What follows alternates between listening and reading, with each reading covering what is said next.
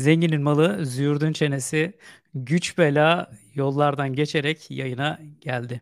12. bölümü epey bir arayla yapabilir hale geldik. Bu arada başımızdan neler geçti görmeniz, bilmeniz lazım. Biz Yalçın'la size yayını hazırlamaya çalışırken arkada epey bir uğraştık ama en sonunda herhalde muradımıza erdik. Yalçın hoş geldin. İyi akşamlar sevgili Celal Erdoğdu. İyi akşamlar sevgili izleyiciler. Ne Vallahi kadar zor oldu değil mi gelişimiz? terledik, terledik. evet ama en sonunda artık yayına hazır hale geldik. Ya bundan sonra herhalde bir dert gelmez bu yayınların başına diye tahmin ediyorum. İnşallah. Birazcık yatırım yapmamız gerekti. Nasılsınız evet. görüşmeyeli? Valla ben e, biliyorsun ya biraz bu ara doktora sebebiyle geceler gündüzlere karışıyor. Gündüzler de işlerle birlikte devam ediyor. Bu ara işte konferanslar vardı. Doktora aşamasında son 6-7 aya geldim artık. Benim için zor bir dönem geçiyor. Yani dolu dolu gayrimenkulle yaşıyorum. Şimdi zenginin malı züğürdün çenesiyle iyice doluyoruz. Çoğu bitmiş azı kalmış. İnşallah evet, bitti. Evet evet bitti yani. Darısı darısı kimsenin başına diyeyim ya doktor ama tövbe yani. Zor işler. Allah kolaylık versin. Evet. Biz de bu ara anketler, performans değerlendirmeler öyle bir heyecan içindeyiz. İşte bu haftalarda yayınlarız herhalde. Ortalık birbirine girer ofiste. Ya gayrimenkul piyasasında bir de yani 2023 e, gayrimenkul fiyatları SPK tarafından belirlenecek fiyatlar tüm değerleme uzmanları tarafından merakla belirleniyor, bekleniyor. Bakalım orada fiyatlar ne kadar artacak? Bizleri üzecek mi, bizleri sevindirecek mi göreceğiz. Aslında olması gereken işte Türkiye'de yeniden değerleme oranı açıklanıyor. Bu tarifelerde minimum bu yeniden değerleme oranınca arttırılmalı diye nacizane görüşümü, acizane görüşümü paylaşayım istedim. Fırsat. Yani piyasanın gerisinde kalmaması lazım çünkü gerçekten değerleme uzmanları zor durumda sahada. Ee, bizler de şirketler olarak çok da kolay durumlar yaşamıyoruz. Ee, bütün maliyetlerin artışı her şeye yansıyor zaten. Ama biz tabii burada biraz daha eğlenceli bir program yapmaya çalışıyoruz. Zenginin malı züğürdün çenesi deyip dünyadan ilginç olayları bir araya getirip size gayrimenkulü taşımaya çalışıyoruz. Kimsenin de e, gecesini akşamını karartmayalım değil mi Yalçın? Güzel konulardan bahsedelim. Evet. E, ilk güzel konuyu açayım mı? Lütfen. E, kanlı ay tutulması gerçekleşmiş. Yılın son tutulmasına ilişkin detayları astrolog Duygu Sevinç Sevin açıklamış. Demiş ki Aslan Burcu ve Kova Burcu coşuyorsunuz demiş. Bu burçlarla gayrimenkulü birleştirme olaylarına da hastayım. Bazıları tabii bu işlere çok inanıyor. Onun için e, kimsenin canını sıkmadan ben detaylara gireyim. Hemen bilgi vereyim. Sen Aslan Burcu musun, Kova Burcu musun Yalçın? Şimdi onu diyeceğim. Bir tek Aslan'la Kova mı coşmuş? Evet. Diğerleri olmamış. Yani 12'de o iki iyi 10 tanesi gitmiş, gümlemiş. Tutturamadık. Benim burcum bu, bu klasmana girmiyor. Evet o zaman yapacak bir şey yok. Sen de benim gibi sadece dinleyeceksin o zaman. Aslan evet. Burcu için demiş ki kariyerinizde artık bitmesi gereken, bitiyor, başlaması gereken tüm ihtişam ile başlıyor falan filan. Yeni gayrimenkul projeleri de sizi bekliyor. Taşınma ya da tadilat sürecine girebilir, hızlandırabilirsiniz demiş. Yani evden de atılıyor olabilirsiniz tabii. Bunda çok sevinecek de bir şey de olmayabilir. Yeni gayrimenkul projeleri sizi bekliyor derken inşaat mühendisi ya da müteahhit olabilirsiniz. Yeni projeler yapıyor olacak olabilirsiniz. Taşınma ya da tadilat süreci derken de bu defa evden atılıyor olabilirsiniz. Yani elinize fırçayı alıp boya yapmanız da gerekebilir. Onun için belki çok da sevinecek bir şey olmayabilir. Bilmiyorum aslan burçları ne diyecek? Aslan burcu olup da buraya yorum yapanları bakalım. Yani gerçekten ne demiş? Güneş tutulmasının sonucunda beklenen olmuş mu? Bir diğer Bence... burcumuz da Kova burcu. Kova burcu için de demiş ki gayrimenkul satışı ve yeni bir ev alma süreci için sizi bekliyor olabilir. Şehir veya ülke değişikliği yapabilir. Kim bilir belki yurt dışına taşınma kararı alabilirsiniz demiş. Yani bu gayrimenkul satışı tabii bu da bunu da kötü yorumlayabiliriz. Kötü yorumlayalım. Mecburen gayrimenkul satmak zorunda kalabilirsiniz ama bir de iyi yorumlanacak taraf var. Yeni bir ev alma süreci içinde olabilirsiniz. Bu da güzel. Şehir ülke değiştiriyorsanız yeni bir konut almak durumunda kalabilirsiniz. Bunlar da işin güzel tarafı. Yani Kova burcu ile Aslan burcu gayrimenkul piyasasında bu ayın etkilenenler arasında yer almışlar. Astroloğun kafası çok iyiymiş bence bu yorumları yaparken. Ya işte demesi gerekiyor bir şeyler. Çünkü e, birilerinin de bir gayrimenkulle ilgili bir şeyler yaptığını tahmin ediyorlar zaten. Onun için o da hemen yorumunu yapmış. Yani şey cümlesi kafadan koparıyor. Yeni bir işle ilgili projeniz olabilir. Kadınlara yönelik olması size kazandıracaktır. Burada da herhalde kendine pay mı çıkarmış? Ya bence de yani bir şeyler ar- aramış yani. Ya Vay zaten be. aynı kelimeler var. Aynı yorumlar var. Onları böyle burçlar arasında kaydırıyor. Yani bir sonraki ay aynı mesela kovadaki gelişmeyi bir sonraki ay bir sonraki burca taşıyor. Ne balık mı geliyordu? Balığa taşıyor mesela. Sonra boğaya taşıyor falan öyle sırayla götürüyor. Aslında 12 tane yorum var yani. O 12 tane herkes için taşınıyor sanki. Çok heyecanlı. Bunları iple çeken insanlar oluyor yani. Çok inanan yıldızlar. Yani gayrimenkul alasın yok ama burcunu okuduğun zaman karar veriyorsun. Mesela hemen gayrimenkul almaya. Ben bir gayrimenkul alayım burcumda gördüm. İyi ki aslan değilmişiz ya da kova. Evet yırttık. Bende de Evet. çılgın konular var. Hadi bakalım. Patlat bir tanesini. E, şey yani eskidi mi bilmiyorum ama şu kripto para platformunda FTX'in kurucusu iflas etmiş ya e, Sam Bankman-Fried e, işte 51 milyar dolarlık teminat değeri silinmiş bir anda. Ortalık karışmış. E, işte sanal coin satış dalgası ve bankaya hücum etmişler diye işte bir bahaneleri var. E, işin arka yüzüne baktığımızda da e, bu sevgili kardeşimizin e, aile işte büyükleri, annesi, babası, işte şirketten bazı yöneticiler geçen yıl 121 milyon dolar değerinde Bahamalarda alışverişler yaptığı tespit edilmiş tapu kayıtlarından. Bilemiyorum düzmece midir, e, organize işler midir değil midir ama bir miktar paraları kaçırdıkları ortada. Ya işte bu şeylerdeki Bitcoin'lerdeki bu olaylar, daha doğrusu kripto paralardaki bu olaylar bizlerin işte gayrimenkul piyasasına kripto gelir mi gelmez mi mevzularının hep böyle önüne geçiyor. İşte e, bu blockchain denilen hikayenin çok güçlü anlaşmalara, akıllı kontratlara izin veriyor olması mesela beni gayrimenkul piyasalarında sürekli heyecanlandırıyor. Çünkü insanlar bunları kendi aralarında yapmaya çalışıyor bu kontratları ve bunlar akıllı kontratlar değil en nihayetinde birilerine bağlı. Ya ama bu akıllı kontratlarda bir nevi arada güvenli hesap görevi görüyor e, kripto paralar ve siz gayrimenkul alıp sattığınız zaman işte tapu takasta bizim anlattığımız gibi para önce arada bir yerde duruyor, escrow hesapta duruyor. Sonra işlem gerçekleşiyor. İşlemi gerçekleştiğini bilgisi tapuya gidiyor. Tapu aradaki bankadaki o escrow hesaba haber veriyor. Diyor ki işlem gerçekleşti. Şimdi satıcıya gönder parayı diyor.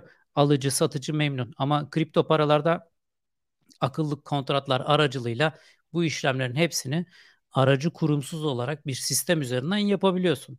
Ama şimdi bu arkadaşlar böyle batıp çıkınca falan tabii insanların kimsenin güveni kalmıyor tabii ki bu işlere. E ne oluyor? Bu defa yükseldiği zaman satılan, düştüğü zaman alınan bir yatırım aracı gibi bir şey görülüyor. Aslında trading yapıyor insanlar. Al satla para kazanmaya çalışıyor. İyi yere götürmüyor yani bizler açısından iyi bir noktaya götürmüyor maalesef. Ama kardeşimiz işte Bahamalara gitmeyi başarmış.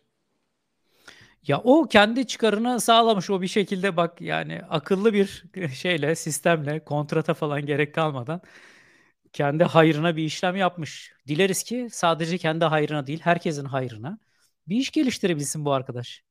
Evet. Ama ondan artık hayır beklemeye gerek yok demek ki öyle gözüküyor. O kendini kurtarmış. Biz de Bahamalara gidelim. Bahamalar nerede bu bu bu arada? Onu belki Ya zengin işi bunlar yani bunları bizim takip edebilme şansımız yok. Yani çok paran olacak ben bu parayı nereye götürürüm? Nerede bir offshore hesap bulabilirim? Nerede vergi avantajı vardır? Paranın belli bir bölümünü nereye güvenceye alabilirim falan gibi şeyleri düşünebilmek için tabii böyle aklını fikrini almayacak kadar para olması lazım. Biz de öyle bir durumda olmadığımız için haritadan bakmıyoruz bile nerede diye. Karayipler'de yer alıyormuş.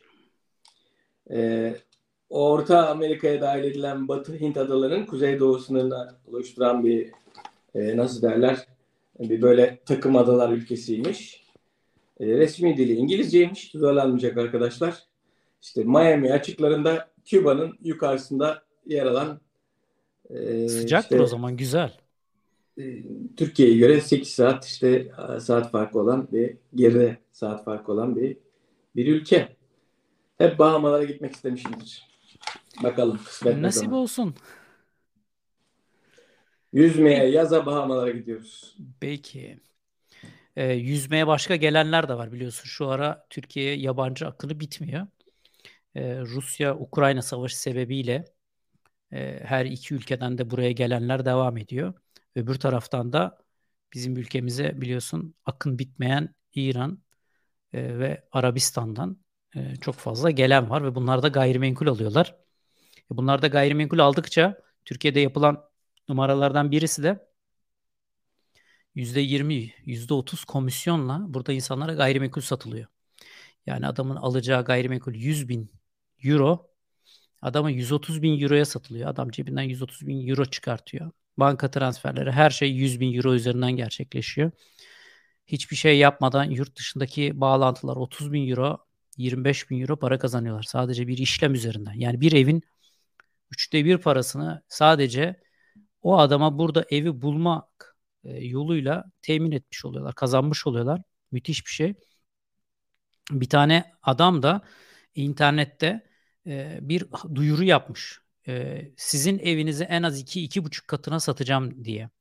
Tabii akıllı çok. Yani ben evimi 100 birime satacağım de, diye düşüneceğine 200-250 birime satmak varken kim 100 birime satar?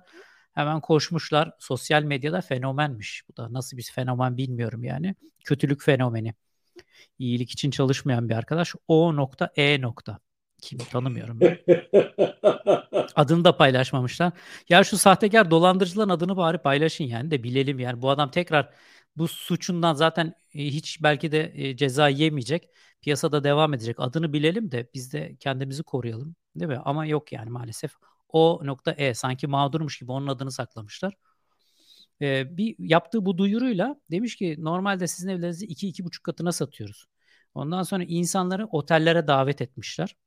İnsanlar otellere gittiği zaman öyle otellere davet etmişler ki otel zaten Arap kaynıyormuş. Ve argüman da şu buradaki herkes bizim müşterimiz. Adamı kimse tanımıyor aslında. Onlar onun müşterisi değil. Demiş yani demiş sizin evinizi satacağız falan ama bunda demiş bir reklam pazarlama şeyi var. Onun için sizden bir ilan parası alalım demişler. Bunlardan güzel bir ilan parasını almışlar. İlan parası gidiyor. Ne ilan var, ne satış var, ne pazarlama var. Millet bekliyor 100 birimlik evini 250 birime satacağım diye. Ama olan oluyor tabii. Ceplerinden parayı kaybediyorlar.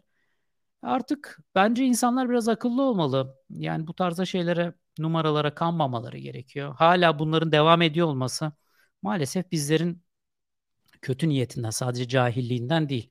Senin evin 100 birimse 100 birime satarsın. Niye 250 birime satasın? Bunu düşünmemen bile lazım ama düşünüyor insanlar. Ama karşılığında da para da kaybetmişler işte. Birilerinin canı yanmış. Suç duyurusunda bulunmuşlar falan filan. O E herhalde internetten hala devam ediyordur satış pazarlamaya. O E olmuştur. ÖF olarak devam ediyordur yani.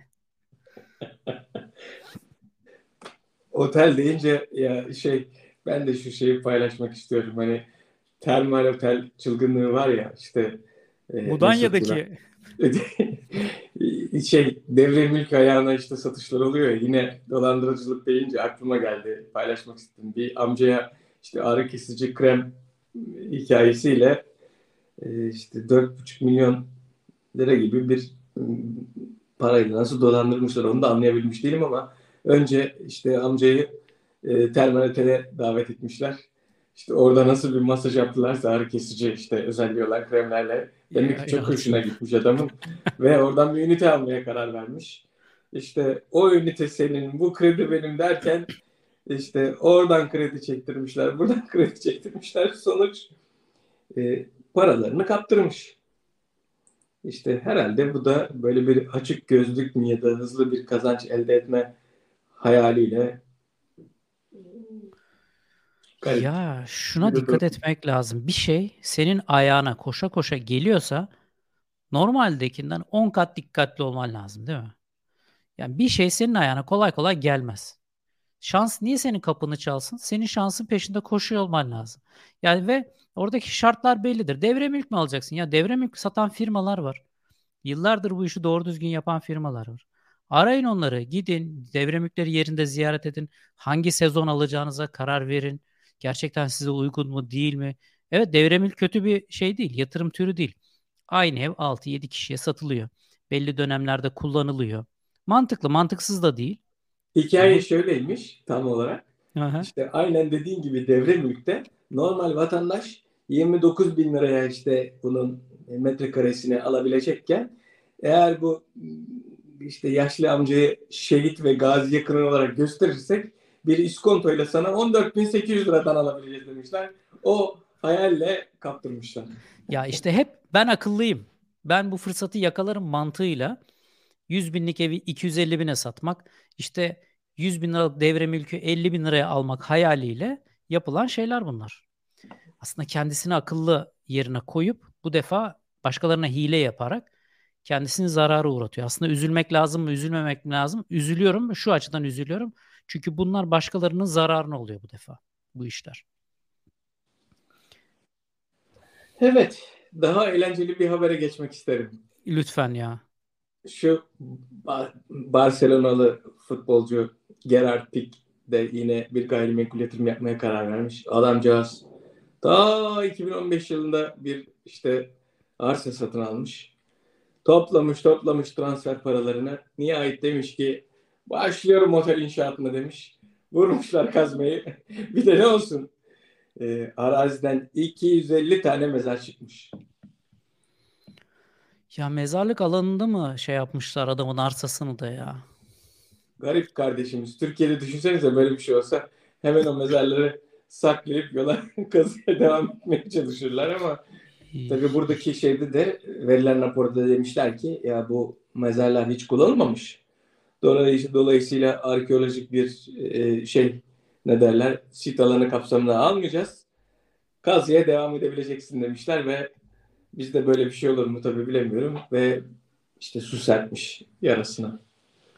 Ya bizde işte inşaat alanlarının etrafı falan önceden böyle bir çevriliyor, kapatılıyor, bir kazılmaya çalışılıyor ya. Hemen kazılıyor. Ortada bir şey yok. Sessiz sedasız. Böylece orada bir şey çıkarsa hızlı bir şekilde kimsenin haberi olmadan mevzular çözülüyor. E çözmezsen yani mındar olacak malın. Düşünsene arsan var. İçinden işte arkeolojik site alanına dönüşecek. Bir şey yapamayacaksın, kazamayacaksın. Devlet senden almayacak malı. Ne bu imar hakkı transferi diye hayaller vardı ama gerçek oldu mu olmadı mı o da tartışılır. Ee, şey mağdur olacaksın böyle bir durumda. O yüzden varsa da içinde bir şey kimse duymaması gerekiyor. ya Yalçın yani kepçeye doldurup milletin kemiklerini şey mi yapacaksın yani? Kazacaksın. Haşa haşa da işte yani e şeyde bile gördük bunu işte Haydarpaşa. Ya bütün metrolarda çıkıyor. Yani şimdi öyle bir yerde tabii çıkması çok normal bu kadar tarihi alanların içerisinde. Öyle yerlerde de çıkabilir tabii insanlar her yerde yaşadılar yani yüzyıllar boyunca. Bir sürü yerde insan hayatı vardı ve mutlaka o insanlar bir yerlere gömüldüler yani ama böyle bir toplu mezar yeri falan gibi bir arsayı satmak da ilginç. Ya burada sorun tabii böyle durumlarda hızlı bir şekilde bu işlerin çözülüyor olması lazım. Adam inşaat projesine girişmiş. Orada adamı yıllarca bu eziyeti çektirmemek lazım. Ne yapılması gerekiyorsa hızlı yapılması lazım ama tabii hukuk olduğu zaman da bu işler belli bir zaman alıyor yani tabii haliyle. İşte gayrimenkul yatırımında her şeye hazır olmak lazım. Kıssadan hisse çıkartalım hemen.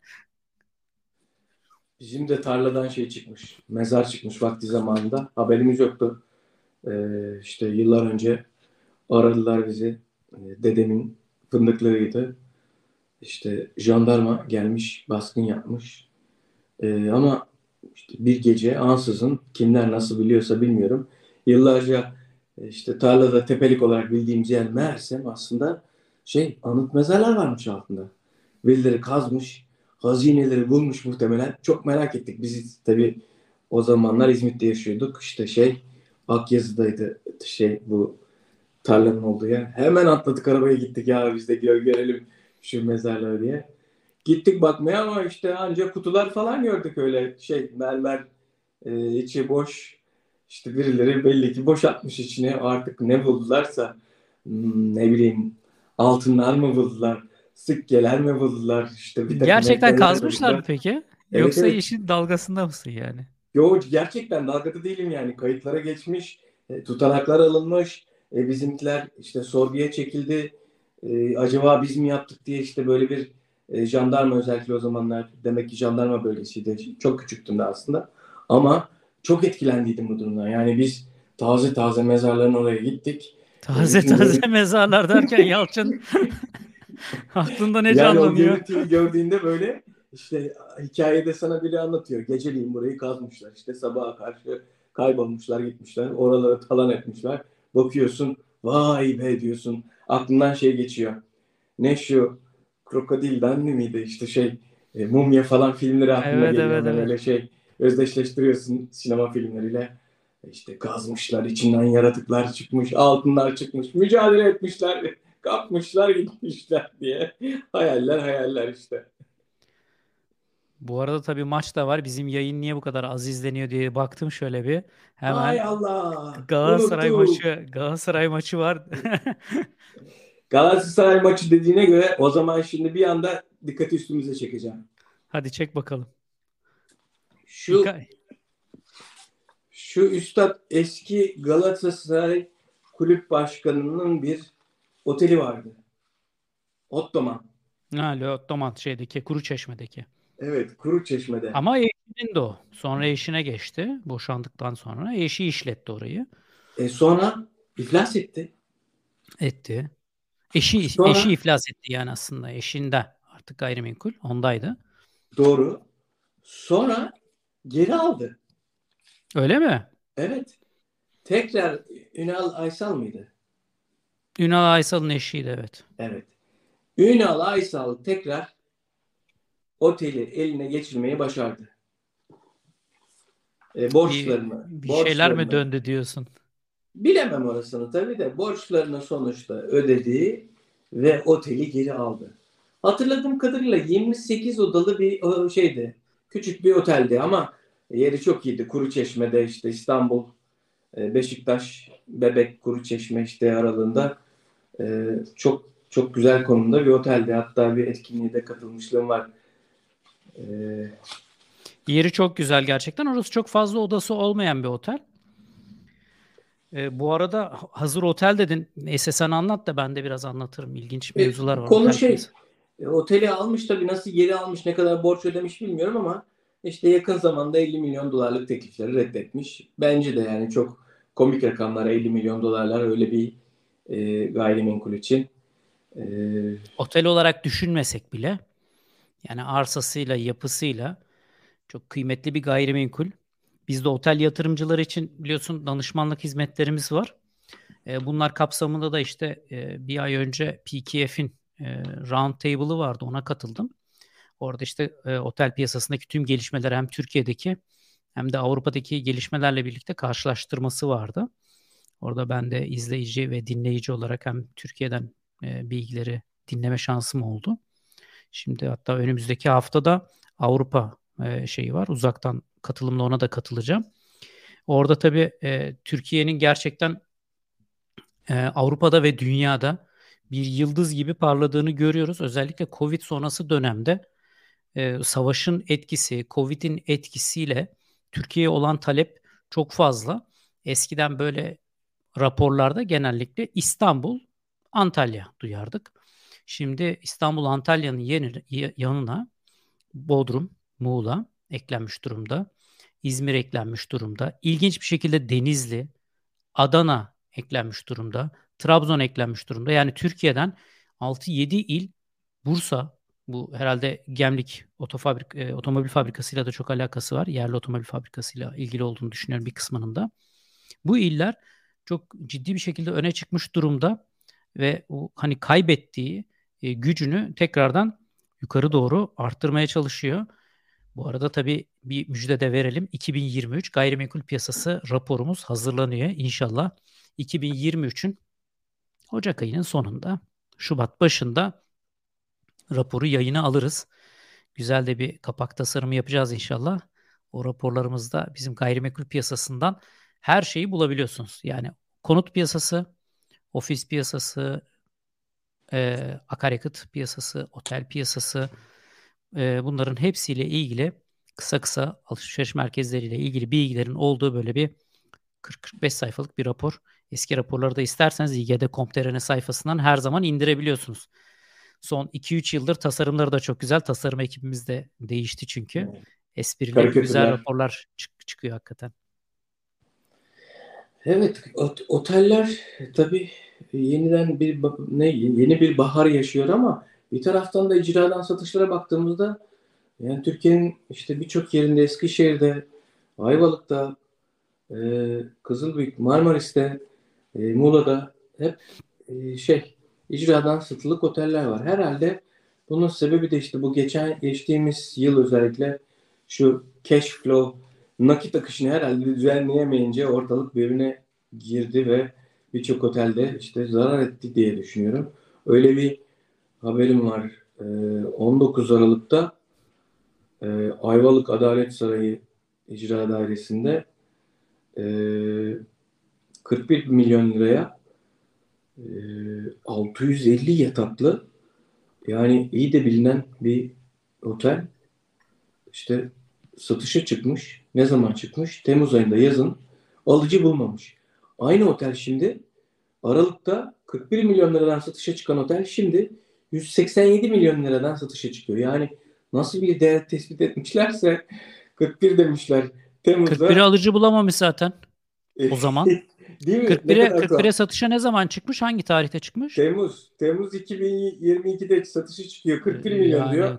41'den 180 Ondan sonra biraz kenara kaldırıyorlar. Aralıkta diyor ki baktılar piyasa karıştı. Yahu biz biz biz bir daha bir değerleme yapalım diyorlar. Aynı otele işte 190 milyon lira değer biçip şimdi 28 bin 10 metrekare üzerine kurulu 8800 yani 9000 metrekareden oluşuyor.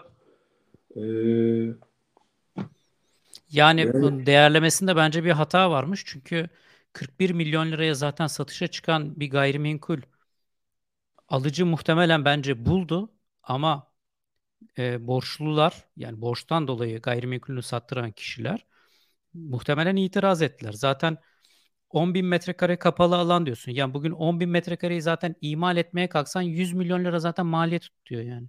Evet çok cazip rakam baktığında 41 milyona. Otel için yani 40 milyon çok cazip. Tabii icradan satışlar her zaman olacak tabii. Yani bunun kaçarı yok. İlla ki birileri işini iyi yapamıyor olacak ya da dönem de kötü olabilir. Tabii Covid dönemi hakikaten e, çok kötüydü ama sonrasında da otelciler turizm piyasasında restoranlar da benzer bir şey yaptılar. Çok acımasızca fiyatlarını çok hızlı bir şekilde arttırdılar. Neredeyse boş geçen sezonun parasını da aynı sezon çıkartmaya çalıştılar. Ama bunu Covid zamanındaki ben videolarda da söylüyordum. Ya bu dönemin sonunda insanlar o kadar bunalacak ki tatile gitmek isteyecekler ve o gün gözleri hiçbir şey görmeyecek ve o dönemde insanların belli bir gelir grubunun tabii hepsinin değil ama tasarruf yapma şansı da çok fazla oldu. Onlar da belli bir ceplerinde yani insanlar bir sene zaten bir yere gidemedi. E bu Çin'emine baktığın zaman bu süreler çok çok daha uzadı. Yani onun için insanlar çok da umursamadı. Ama otel yatırımında tabii şöyle bir şey var. En çok dikkat çeken şeylerden birisi benim hani diğer yatırımlar arasında otel ve akaryakıt özellikle akaryakıt istasyonları bunda çok iyi para var. Ne yaparsan yap su gibi para kazanırsın. Bu aslında hiçbir gayrimenkul türü aslında bunlar işletmeye dayalı gayrimenkuller hiçbir gayrimenkul türü için geçerli olan bir şey değil. Her gayrimenkulde çok bir defa titiz davranmak gerekiyor. Hele otel, akaryakıt gibi. Otel zaten akaryakıta göre çok daha pahalı yatırımlar. Büyüklüğüne göre tabii ki ve yerine göre de. Ama e, çok iyi bir analiz yapmak gerekiyor. Almadan çok iyi fizibilite yapmak gerekiyor. Bunlar aslında çok büyük paralar da değil. Yani bu insanlar bizim Türkiye'de hizmete para verme ile ilgili bir sorunumuz olduğu için bu buna da yansıyor. İnsanlar öncesinde ben bugün bu bilgimle bir otel yatırımı yapacak olsam, otel yatırımı yapacak kadar param ve otel yatırımı yapabilecek kadar kredi imkanım olsa ben değil bir tane, üç tane fizibilite yaptırırım. Hele iki tanesini Türkiye'den yaptırırım, bir tanesini de yurt dışından getiririm. Farklı bir bakış açısı. Ya zaten vereceğim para 100 milyonlar yani 100 milyonlar. Ya bunun içerisinde ekspertize vereceğin yani bir tanesine vereceksin 30-40 bin lira, 50 bin lira, belki 100 bin lira. Hiç hiçbir para değil yani bunlar. Bu paralar harcanmalı. O zaten oraya gidip gelirken bir sürü para harcarsın yani bu iş için. Bu işi bilen bir sürü insan bulmaya çalıştığında. Ben anlayamıyorum. Yani insanlar bunlardan çok imtina ediyorlar böyle şeylere para harcamaya ama sonrasında da işte çok kötü batabiliyorlar. Bu sebeplerinden biri de bence bu. Önemsemiyorlar bu tarzda hizmetleri ama sonrasında bedeli çok ağır oluyor tabii. Yeni otel yatırımları geliyormuş. 16 yeni otel 2400 yatak. E işte hani teşvikler var ya teşviklerden de bu yeni yatırımları takip edebiliyorum. Bir otel evet. grubu e, çok ciddi büyüyor. E, evet. Burada şimdi onu söylemeyeyim. E, çünkü o şeyde toplantıda paylaştılar benimle. Ve o otel grubu diğer iki tane olan biraz daha önceden çok hızlı büyüdüğü için onlar yavaşladılar tabii haliyle. Ama bu yeni otel grubu o, muhtemelen o zaten 16-17 tane diye duydum ben de. E, zaten 3-4 tanesinin anlaşması yapılmış. Diğerleri de e, hızlı anlaşma sürecinde olduğunu söylemişlerdi. Çok çoğu fazla İstanbul'a. otel açılacak. E, baktığımda işte çoğu İstanbul'a 4 yıldız var, 3 yıldız var, 5 e, yıldız var. İşte İstanbul'da kara borsa yer bulabilmek Yer bulabilmek ve fiyat da çok arttı. Yani euro bazında, Türk lirası bazında söylemiyorum. Euro bazında çok arttı. İstanbul'daki Ama otel yine konak. karşılaştırdığımızda işte mesela bir Moskova ile yine çok ucuz rakamlar. Evet tabii. Yani orada tabii ama biliyorsun Moskova'daki özellikle St. Petersburg'daki otellere bir baktın mı? Yani otelde değil de aslında Çırağan Sarayı'nda kalıyorsun. Dolmabahçe Sarayı'nda kalıyorsun. Yani otel de otel yani. Evet, özel. Çok. Yani hakikaten çok özel bir gayrimenkul. Çok güzel. Ben şeyden çok etkilenmiştim. Ee, işte bir bir gayrimenkul fuarı ziyaretinde Moskova, St. Petersburg ziyaretlerinde tuhaf gelecek belki ama tuvaletin sifonu beni çok etkiledi. çok mu değişikti? Ee, çok değişikti. Şöyle çok değişikti. Hiç bu kadar basınçla su vere, veren bir şeye rastlamadım bugüne kadar. İşte o kadar şehir gezdim, o kadar ülke gördüm ve buralarda konakladım. Yani o sifona bastığım anda öyle bir korktum ki o kadar güçlü bir tazikle su geldi ki ne oluyor dedim. Şeyi de teknolojisi de farklıydı. Hani bizim alışa geldiğimiz Türkiye'de bildiğimiz işte sifonlar gibi armatürler gibi de değildi. Alet ilkeldi ama basıncı inanılmazdı. Senden hiçbir şey kalsın istemiyoruz deyip yani. evet. Evet Yalçın çok güzel bir yayındı. Bence yavaş yavaş toparlayalım eğer ekleyeceğim bir şey yoksa. Maça yetişelim. ha, ma- maç zaten e, durum çok kötü. Yetişecek bir durumumuz kalmamış maalesef ya. Çok fena yani. Bitmiş. Galatasaray 4-3 yenilmiş. Vah vah çok üzüldüm. Yapma Kocaeli böyle. Spor, Trabzonspor ve işte birimim bu şey takımları tutan biri olarak Üzül, üzüldüm tabii ki. Yani Galatasaray'ı da seviyoruz. Sonuçta Avrupa'da bizi o kadar e, iyi yerlere taşıdılar. İşte başka bahara diyelim artık. Evet, inşallah başka bahara. Yalçın ağzına sağlık. Ee, o zaman bundan sonra izleyicilerimize de rahat bir platform, izleme platformu sunabildiğimize göre düzenli yayınlarımıza inşallah döneriz. Salı günleri saat 9'da canlı yayınlarda buluşalım diyelim. Ne dersin? Buluşmak üzere. Görüşmek üzere. Görüşmek üzere. Hepinize iyi akşamlar diliyoruz. Sağlıkla kalın. Hoşçakalın. Hoşçakalın.